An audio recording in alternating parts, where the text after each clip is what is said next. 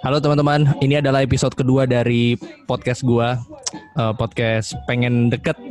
Kalau kemarin pengen deket sama Kevin Wiarnanda di episode pertama, udah bisa teman-teman dengerin.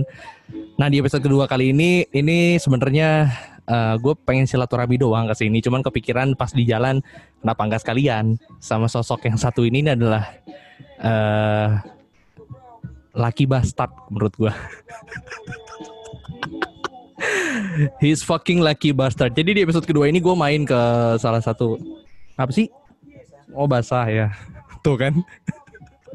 Maaf ya kalau banyak banyak intermezzo di sini ya. Ini gue main di salah satu kosannya teman gue yang wah ini keren sih dia dari dia dari Jogja. Uh, gue bisa bilang knowledge musiknya keren banget. Abi, Halo Bi. Asap. Gak ada, gak ada, gak ada. Ini semua suara yang ada di sini, ini semua akan dimasukin uh, Bi. Jadi gak akan gue edit, oke? Okay? Jadi lu ngomong apa, siap-siap aja, nanggung resikonya.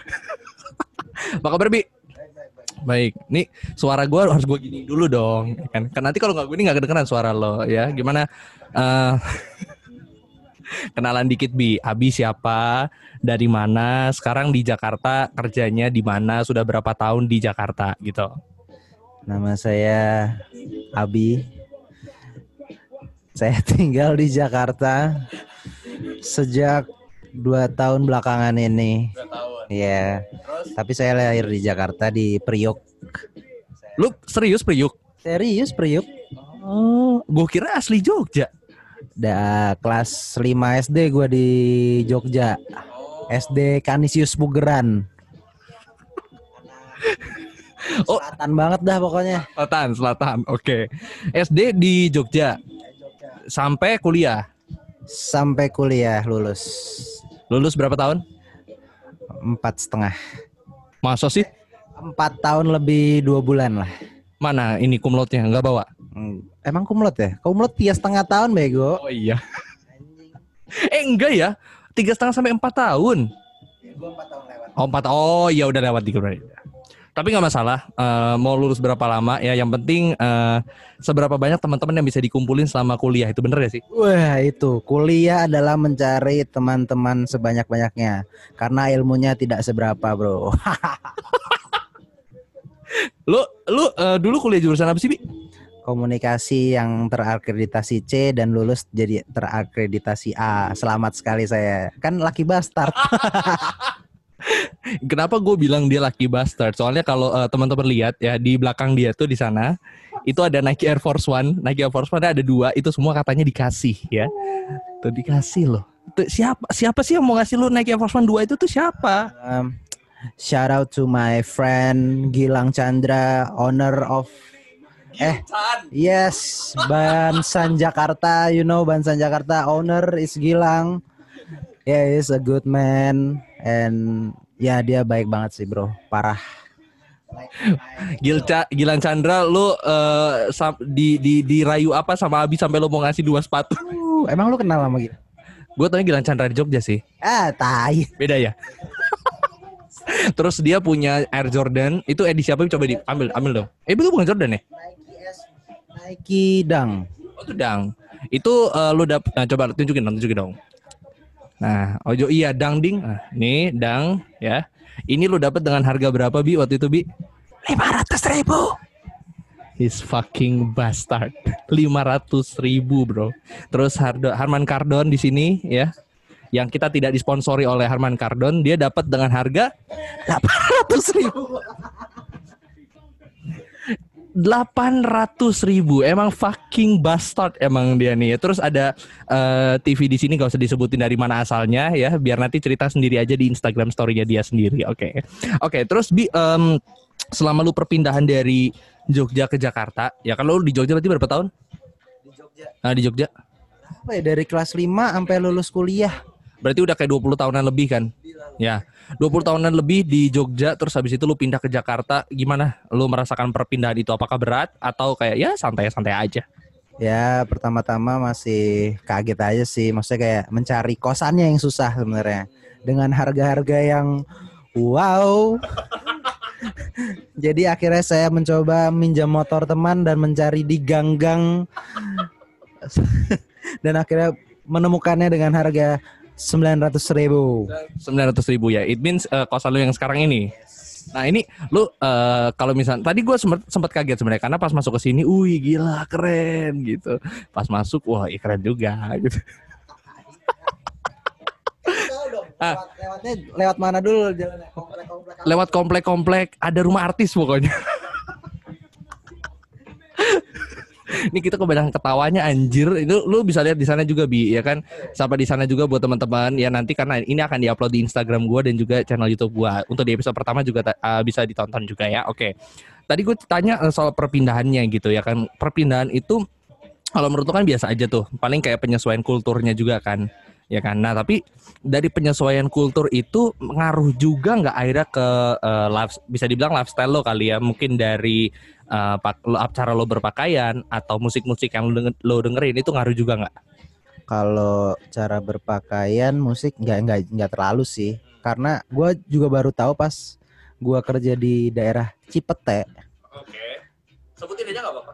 Uh, di Tuku, toko kopi Tuku Cipete. Tuku kopi enak. Ternyata emang ternyata ini lingkungannya wangun-wangun tap. wangun sekali. Eh ini ini gue eh, keras-keras ini nggak apa-apa ya? Nggak apa-apa. Oh, lingkungannya wangun dan akhirnya memberikan lu referensi referensi referensi baru dalam musik dan berpakaian gitu ya. Emang musik yang lagi sering lu dengerin uh, akhir-akhir ini tuh dari siapa sih, Bi? Sekarang. Kenapa ada iklannya? Karena nggak bayar bos. Karena iklan-iklan ini diba uh, buat bayar para artis-artisnya.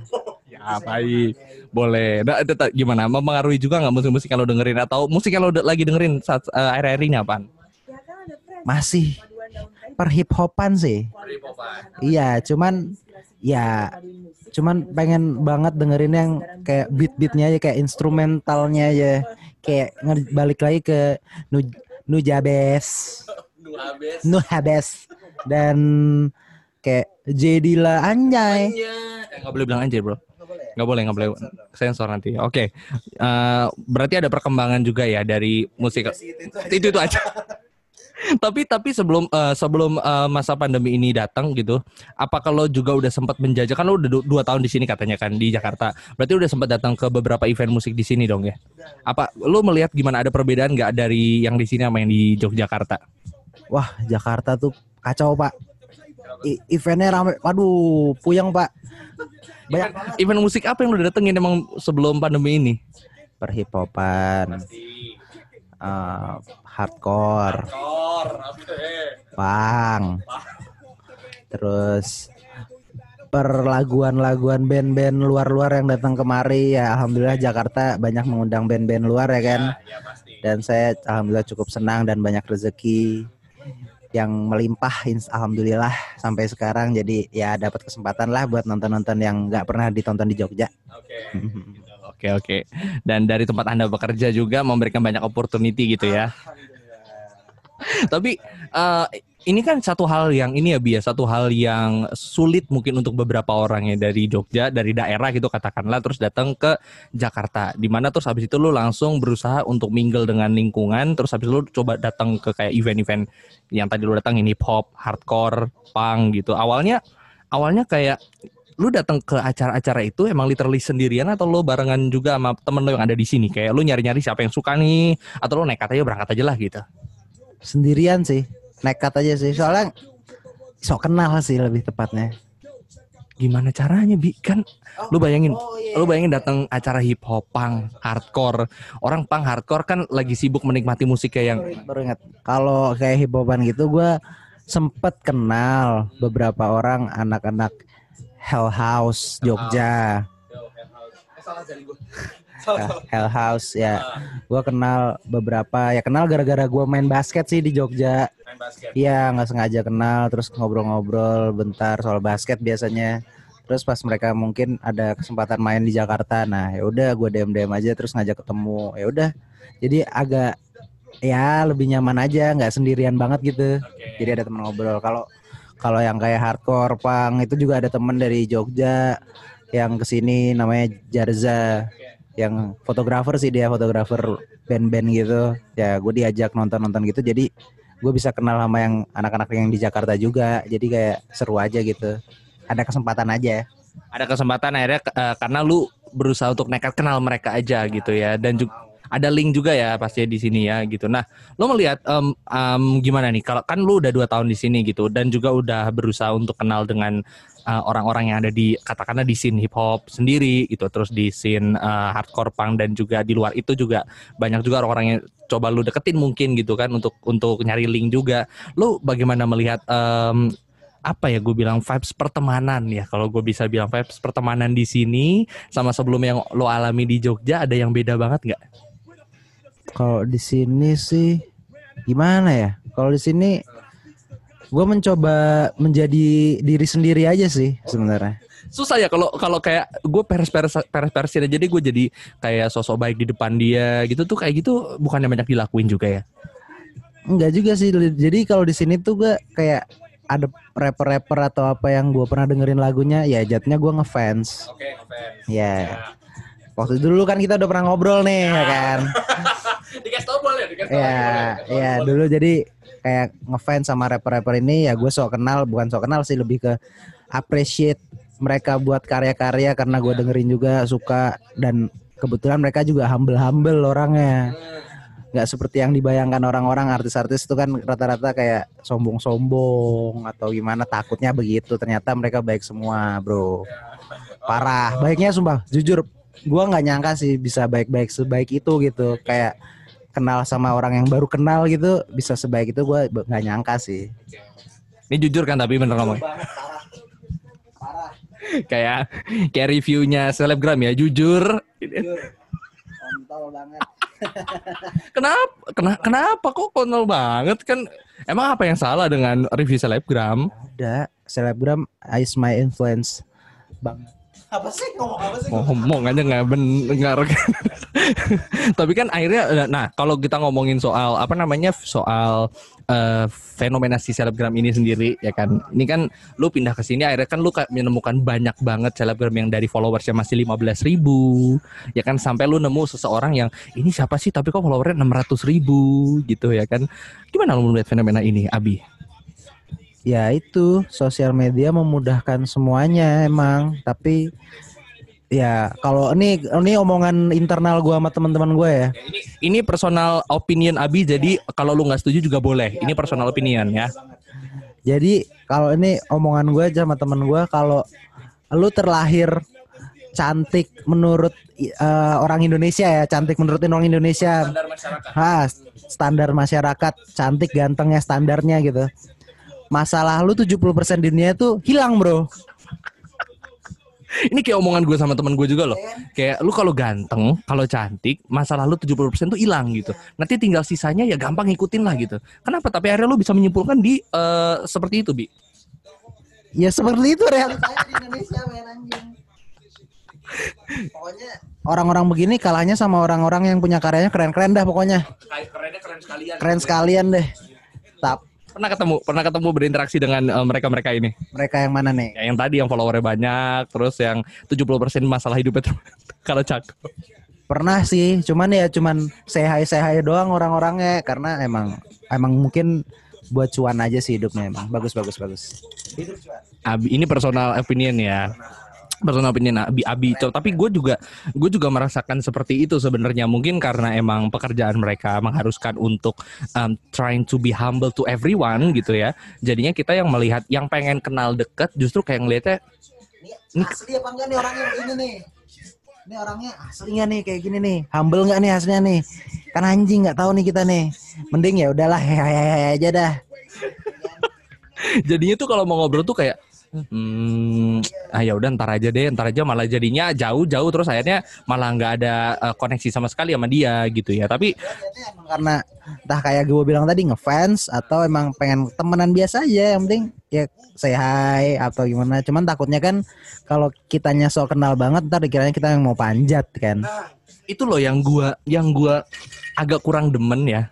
Maksud gua kayak gini, kayak misalnya kita nih, kita nih kayak lu misalnya lu ngefans sama rapper-rapper di Jakarta sini, misalnya lu ada ngefans sama siapa sama siapa, terus lu kayak kayak apa namanya mencoba untuk dekat dengan mereka karena lu apresiasi karya mereka. Cuman beberapa orang yang lihat kayak anjing lu panjat amat sih begitu. Lu trying so hard banget untuk bisa kenal sama dia gitu ya. Padahal niat kita nggak kayak gitu ya, Bi ya. sih emang orang-orang yang baik-baik semua humble-humble semua Tapi ada ada nggak sih maksud gua ada pernah lu dengar omongan kayak anjing abi so, so kenal banget lu, so deket banget lu sama ini gitu. Pasti pasti ada nggak sih? Pasti ada nggak sih? ada sih Nggak ada. Berarti lo halus ya. lebih bodoh amat sih kali ya lebih bodoh amat aja Bodoh amat tuh diperlukan nggak sih untuk hidup di kota ini? sangat bro sama pokoknya kalau di Jakarta lu kalau digas orang gas balik pokoknya kalau nggak digas wah Harus ya. ciut bro Nah, masalahnya gua gua kita gua juga kan dulu di Jogja. Gua di Jogja, Abi di Jogja gitu. Gua di Jogja tuh selalu menemukan peace gitu ya. Jadi kayak kalau misalnya orang-orang dulu bilang di lampu merah eh, di Jakarta gitu ya. eh, kalau misalnya udah hijau, hijau baru baru mau hijau itu aja udah banyak yang klakson. Di Jogja tuh enggak kayak eh, di Jogja itu eh kalau di Jakarta tuh 5 detik lampu merah udah diklakson ya kan? Di Jogja itu eh, 5 detik santai. Bahkan udah hijau pun kalau kita belum maju itu santai gitu loh. Paling beberapa yang klakson ya orang bukan orang Jogja. Ya kalau Jakarta pokoknya siap berani gas-gasan aja. Heeh. cuman kalau bisa sabar ya lebih bagus. Iya, kalau kuat sabarnya lebih kuat daripada emosinya bagus. Salut, salut deh, salut, salut, salut. Salut ya. Tapi lu lu emang sabar ya menghadapi eh, segala situasi yang lebih keras di sini bi? Maksud gua kayak lingkungan di sini kan kita bisa bilang juga lebih keras gitu ya. Lingkungan em, di jalannya juga lebih keras karena gua pernah ngalamin eh, satu hal yang eh, tidak menyenangkan di jalan gitu. Kayak gue melihat eh gue pernah tuh gue pernah eh, lagi jalan di daerah patung pizza situ. Patung pizza tau nggak? Blok M blok M. Eh yang arah ke situ yang arah ke situ. Nah itu gue sempat salah ngambil jalan. Salah ngambil jalan terus gue ditilang. Pasti nih ya nih gue nggak apa-apa kali ya. Kayak gue pengalaman gue pengalaman gue pengalaman gue dulu pas gue tinggal sebelum di Jakarta itu kalau misalnya ditilang ya udah ditilang dimasukin pos polisi pos polisi akan terang-terang aja gitu akan apa namanya akan eh, bercahaya gitu nggak dimatiin lampunya. Tapi kok waktu gue di situ lampunya dimatiin gitu. Lampu di dalam posnya. Keras sekali ya. Iya makanya. Ini saya tidak bilang semua polisi seperti itu. Cuman waktu itu saya menemukannya seperti itu. Tidak, polisi itu nggak semuanya jahat, nggak semuanya jahat. Tapi emang korup aja ininya. Apa namanya? Sistemnya. Sistem korup aja polisinya orangnya nggak jahat-jahat cuman sistemnya aja yang salah mungkin. Ini opini doang.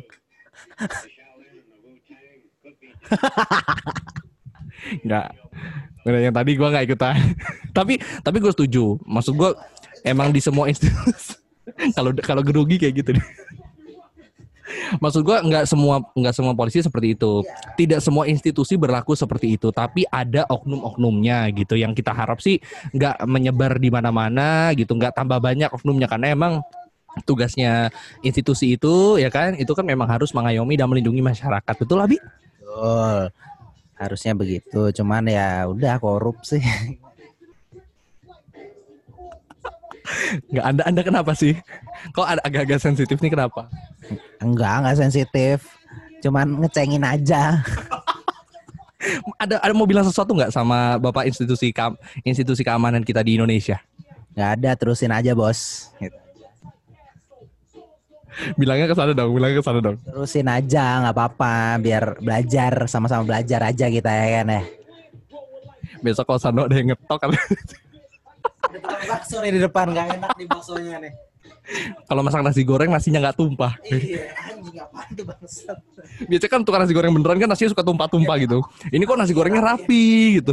Wow bahaya. Dah sam- ya. sampai situ aja. Oke ya oke. Kita move on aja ke topik yang lain ya. Kalau kita ngeliat di sini ini Abi lagi nyetel. Ini dokumenternya Bestie Boys ya. Dokumenter Bestie Boys dan ini ada eh, ini lagu siapa sih Wutang Wutang Wutang Clan. Lagu Wutang Clan. Itu emang segitu eh, meaningfulnya hip hop buat lo ya Bi ya? Gue suka hip hop gara-gara gue basket sebenarnya basicnya udah. Gara-gara gue main basket doang sih udah. Eh, dari basket akhirnya ngikut kultur si hip hopnya tuh lu, lu dengerin juga gitu. Tapi kalau lu eh, dengerin musik lain lu dengerin juga kan? dengerin dengerin banget. Kalau lagi bosen ya udah dengerin yang lagu yang lain. Tapi kalau jujur nih kalau gue nggak tahu kenapa gue di lingkungan gue teman-teman gue dengerin dangdut nih. Tapi gue berusaha untuk mencoba masuk ke dangdut ini. Tapi nggak bisa bisa gitu. Tapi apal maksudnya kadang ngestak in my head aja lirik-liriknya gitu. Apa? Lagu dangdut yang stuck di eh, kepala lu sampai saat ini? mungkin gara-gara TikTok kali ya yang yang lu tahu nggak yang nungguin ya Seperti mati lampu apa enggak? tahu gue itu tahu. Cuman itu aduh nggak mau nggak mau ngecengin lagu sih. Cuman ya itu karya-karya mereka hebat lah semuanya bisa berkarya. Karena gue nggak punya karya sama sekali soal musik jadi up gue nggak mau ngecengin deh takut salah ngomong. Itu karya ya, pokoknya tetap karya. Tapi coba dong lu boleh kasih tau eh, ke teman-teman gitu eh, referensi musisi hip hop lokal yang masih fresh, yang lu em, apa namanya lu minta banget teman-teman di sini buat dengerin. Siapa aja?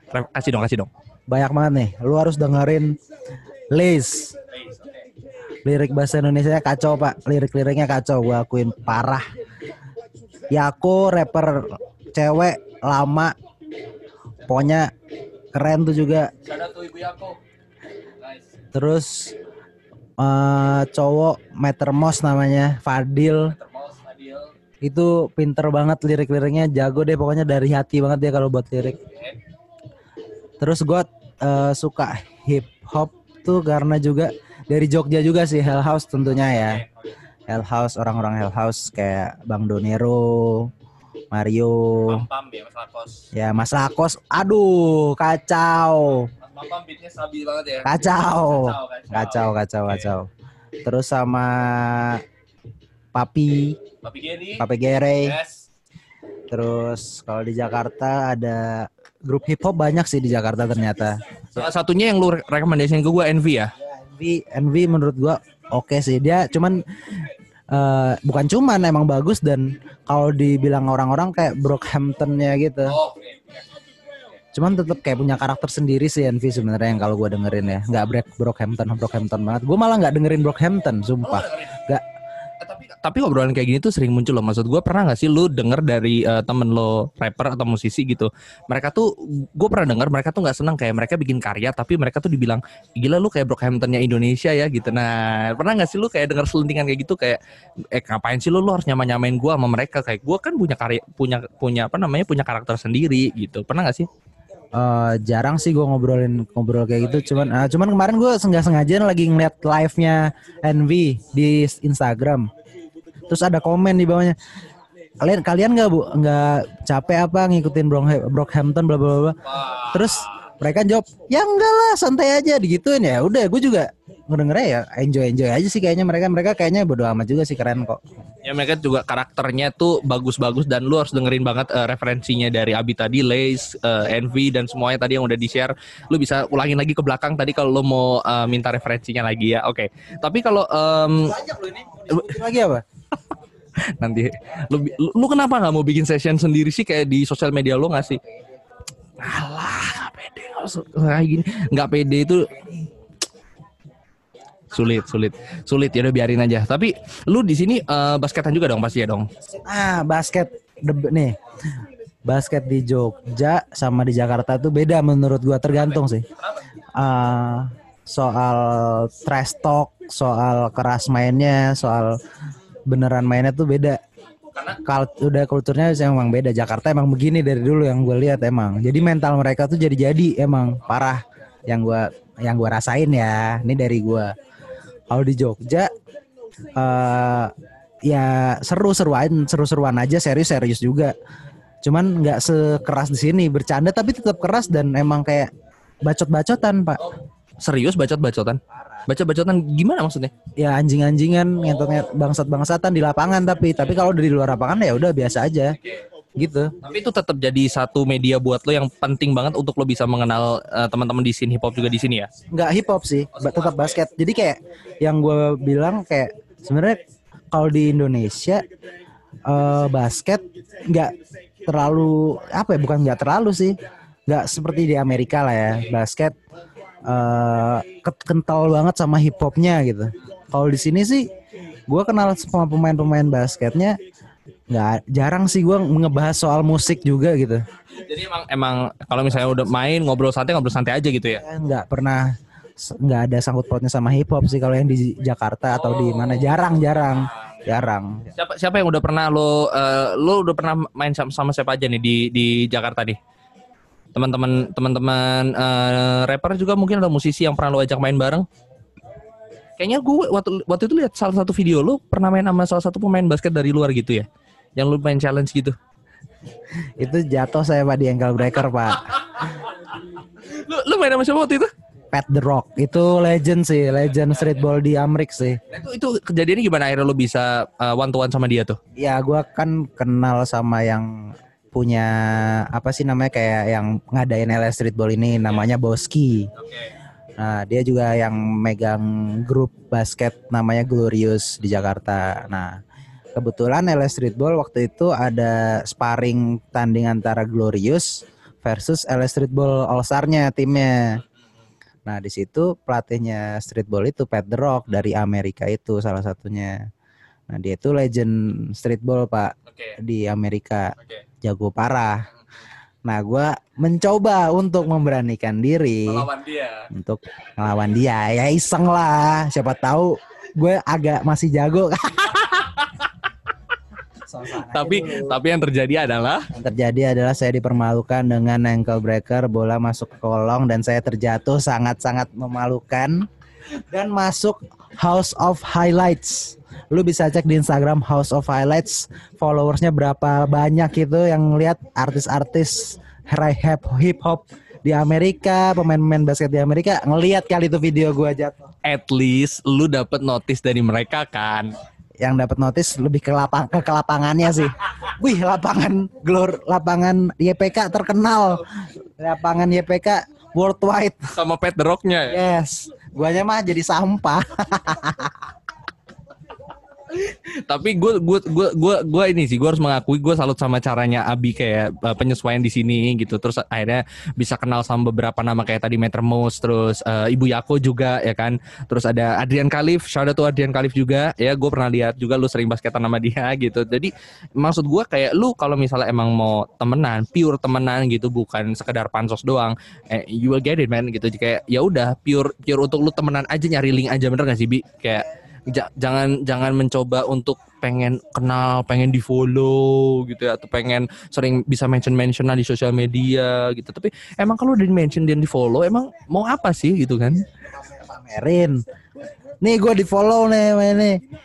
Kayak gitu ya boleh sih lu pamer karena bangga. Ya wajar nih. Kalau misalkan gue ngefans sama orang, gue terus di follow back sama dia ya gue bangga. Gue bisa update juga mungkin. Gitu loh. Cuman nggak apa-apa. Cuman kalau itu bonus. Cuman jangan minta-minta. Kayak kak semangatin aku dong gitu. Ngapain semangat semangatin gitu?